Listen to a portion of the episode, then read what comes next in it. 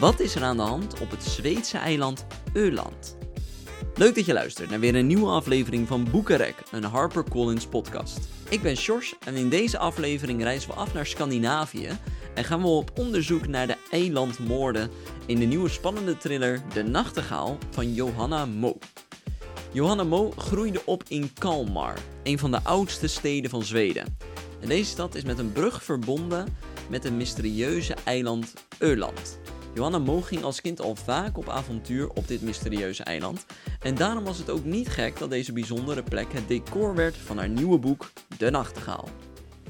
Glad to be joined on the Boekerek podcast by the author of the new exciting thriller De Nachtegaal here in the Netherlands. Johanna Mo, welcome.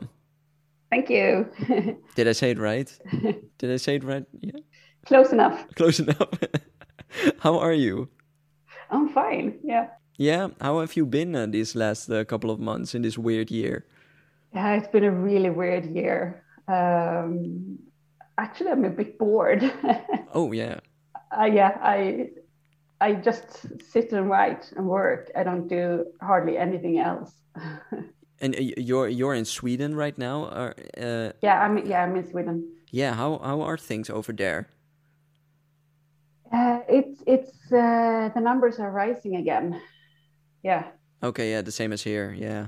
Yeah. And and you are you have been in uh in uh, in quarantine uh, for the last couple of months. Uh, yeah. Or lockdown. Yeah, we we don't really have the lockdown. It's more voluntary here. But I mean, I don't I don't need anyone hardly. I'm just with my family and sometimes I, I walk to my office. I have an office, but right now I'm home, but I have an office. Yeah. That's yeah, that's everything I do. yeah, and you work. and is it is that any? It's been good. For, it's been good for the writing because I've I've I've still been able to write. I have colleagues who have found it hard to write, but yeah, uh, I I've I've still been able to work. And that's because maybe they don't uh, get uh, enough inspiration. Yeah. From just sitting at home. Yeah. Yeah but you don't have that problem. No, I I, I read a lot. I, I get inspiration from that, and I uh, get inspiration from uh, series, television. Uh, but yeah, I'm bored. yeah, well, uh, I'm a, a, bit affected by it, but uh, it hasn't affected my writing yet. Oh, well, that that that's good for us. Quite the opposite, actually, because I I mean I I've had a lot of time to write. I don't do any anything else. Is that any different? Uh... Book any book events or anything like that? No, no, no. It's apart from that. Is it is it any different? Uh, your daily routine than uh, it it it was before the whole COVID situation? Yeah, I mean the kids still go to school, but we're we're not allowed inside the school. We have okay. to yeah have to leave outside. Uh, the youngest one is in first class only, but we can't take her to school. We just have to drop her off outside. so that's, that's weird. Yeah. yeah, it's weird. yeah, yeah, I can imagine. Yeah, and and and and you just after that you go home and then you you can you, you just sit down to write yeah, that's all I do. yeah, well, it, it, it sounds good to me. Um, it, uh, about that writing, uh, when uh, have you always been a writer, or uh, did that start at some point? I've always wanted to be a writer. Uh, I wanted to become a writer when I started to read and discovered reading, uh, but my I, I, think I was about 30 when my first novel was published so it, it took me a while. Why is that? Is that just because uh, life didn't take you there or uh... yeah and it i mean it takes time to learn how to write. Uh, my first efforts just weren't good enough honestly so. But but you tried. It it, it you tried uh, uh, applying those stories yeah, I, think I, I sent my first uh, manuscript to a publishing house when I was around 20 or so. Okay. But, but yeah, they, they didn't want to publish it. Well, well that, that is young. Yeah, that's young. Yeah, that's young. uh, and uh, and also I've uh, I mean before I became a full time writer, I worked with other people people's books. I've worked as an editor and proofreader and critique and translator, and I mean I enjoy that as well. Uh, so it was kind of easy to take that course. Yeah. Start working with other people's books instead. You have always been in the writing community. Yeah, I have. Yeah, and uh, just not as a writer yourself uh, at, at at first, but you said you you started writing when you started reading. So I imagine that was at a very young age. Yeah, um, I think it, yeah, seven or eight. Yeah, well, started writing. Yeah. and what kind of stories did you write back then? Uh, adventure stories. Okay. I, I, I wrote a really long story when I was in middle school uh, but it was a it was a rip off of Jules Verne. I don't know what it's called in English when he when he travels to the to the what it's called the middle of the earth. Yeah, the center of the earth. Yeah. The center of the earth. Yeah. but my teachers were very impressed. you you you just read that book and you thought I can do the same. Yeah, I can do the same. So yeah, I just did the same. Well, that's that. I mean, adventure stories are. Um, is that always been uh, something you wanted to write? Because right now we are we are publishing your uh, your the thriller here. Um, that, when when did that take shape? When did that change for you, or are you still writing those stories? Uh, no, no. Uh, I started writing crime uh, with my third book. So my first two books are just kind of regular regular novels. Uh, but then I felt uh, that it didn't really suit me, so I started writing crimes and thrillers instead. That's I think what I've read the most. When I started reading, I read a lot of yeah Agatha Christie and Stephen King, and those kind of writers. Yeah. Yeah, a lot of with mystery crime genre. I really like that when I was younger. Yeah. And are those all the same books? that You said you you've worked as an editor and as a a, a, a book uh, critic. Uh, are those the same books you work with during your work, or? I've I've worked a lot with uh, uh, crime writers. I've edited a lot of crime write, writers, uh, but not, that's not all I've done. I've worked with more uh, literary writers as well. So you you know about all the genres then? Yeah, yeah. So is it, it would it ever to move between them? Okay, yeah, that, I wanted to ask. Yeah. Yeah, both when I read and when I write. So so now you uh, uh, we're gonna publish your your crime novel, but maybe in a couple of years there will be uh, an, uh, a literary work or uh, a no, uh, yeah a romance novel or. I'm I'm not sure about that because every every time I try to write something else, it just ends up being about a murder instead. Okay. Finds its way in. and why why is that? Do you think is that something that that just uh, yeah that uh, has your attention most, or you like to read the most, or why is that?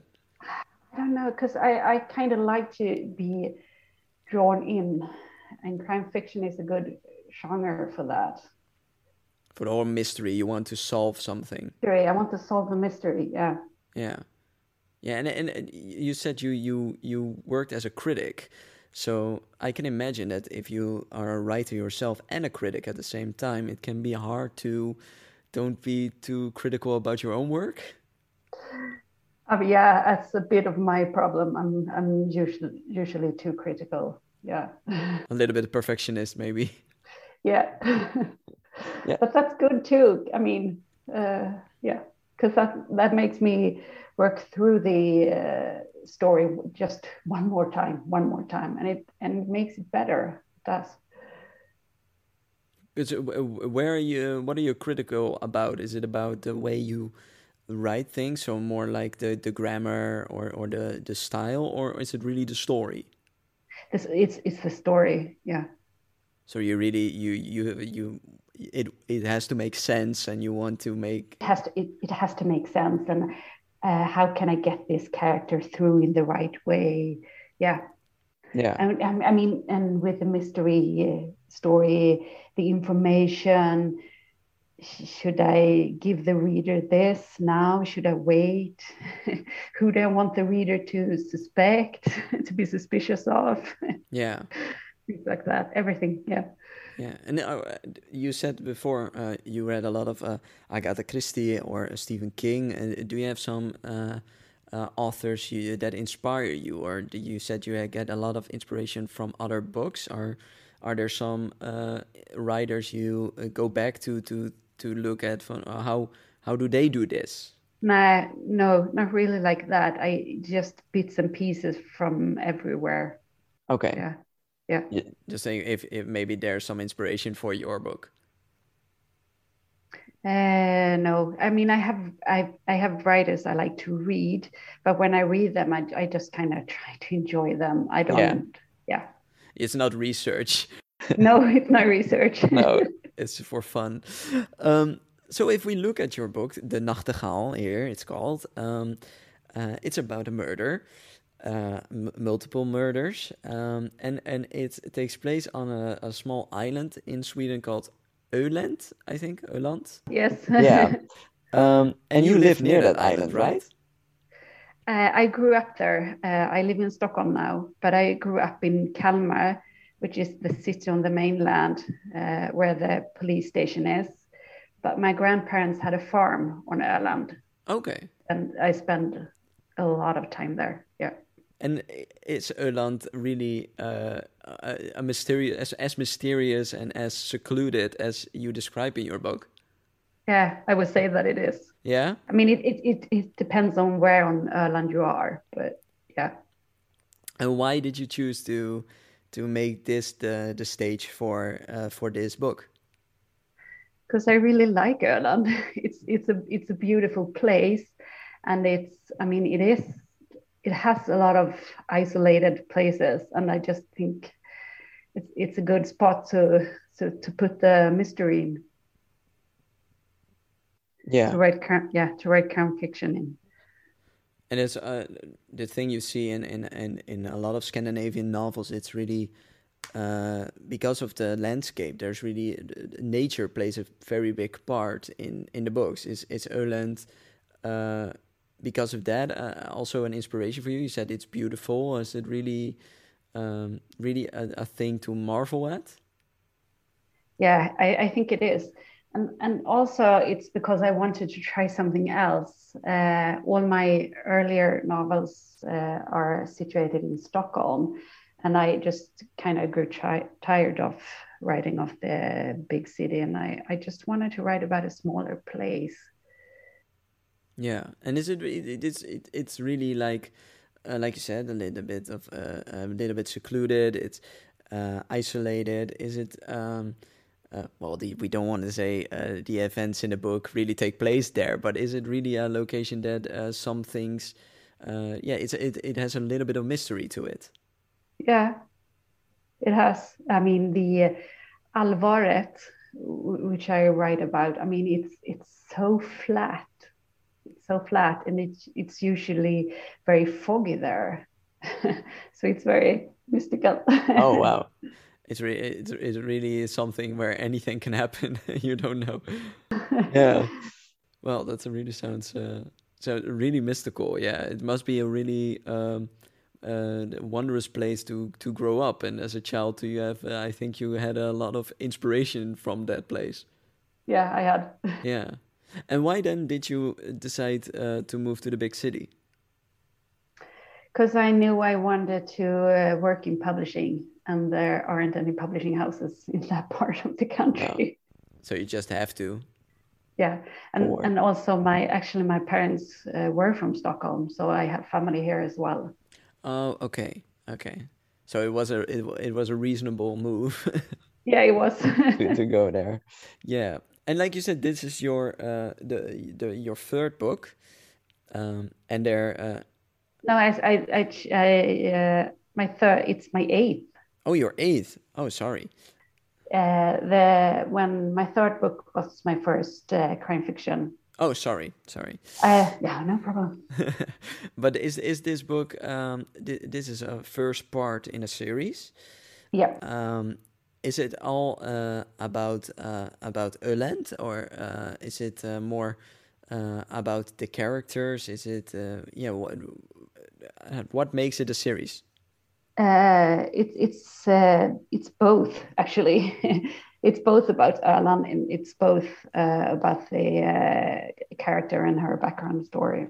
Okay, and are you really a, a writer that um, that writes the plot and then um, uh, moves the characters around it, or are you more a writer that lets the characters lead the story? I usually start with the characters. They are the most important thing from for me.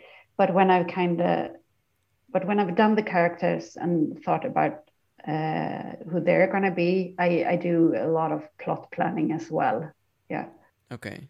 And you you uh, you you said you are writing a lot right now because of the whole situation. Uh, does that mean that uh, the second part in the series is almost done, or? Yeah, it's it's almost done. okay. Uh, it's it's it's near. I think I think it's gonna be printed in a month or so. So it, I'm I'm just giving it the final touches. so you have to you have one more uh, time to look at it critically yeah the last, the last important time. Yeah. Yeah and then uh, is it uh is it for you then one more part or is it uh you, you have to wait we have to wait and see how many parts it will be? It started with three parts but i've already realized that three parts aren't gonna be enough. Okay. There will be a few more exactly how many i haven't decided yet but so it won't be a trilogy. No, it won't be. Okay. I, I kind of knew that from the beginning, but I just don't want to promise something that I can't keep. So I no. wanted to get started before I decided. Don't get uh, don't get ahead of yourself and uh, first the first three and then the others. Yeah, then we'll see. yeah. Well, we are really excited to uh, publish the first one, The Nachtegaal, here.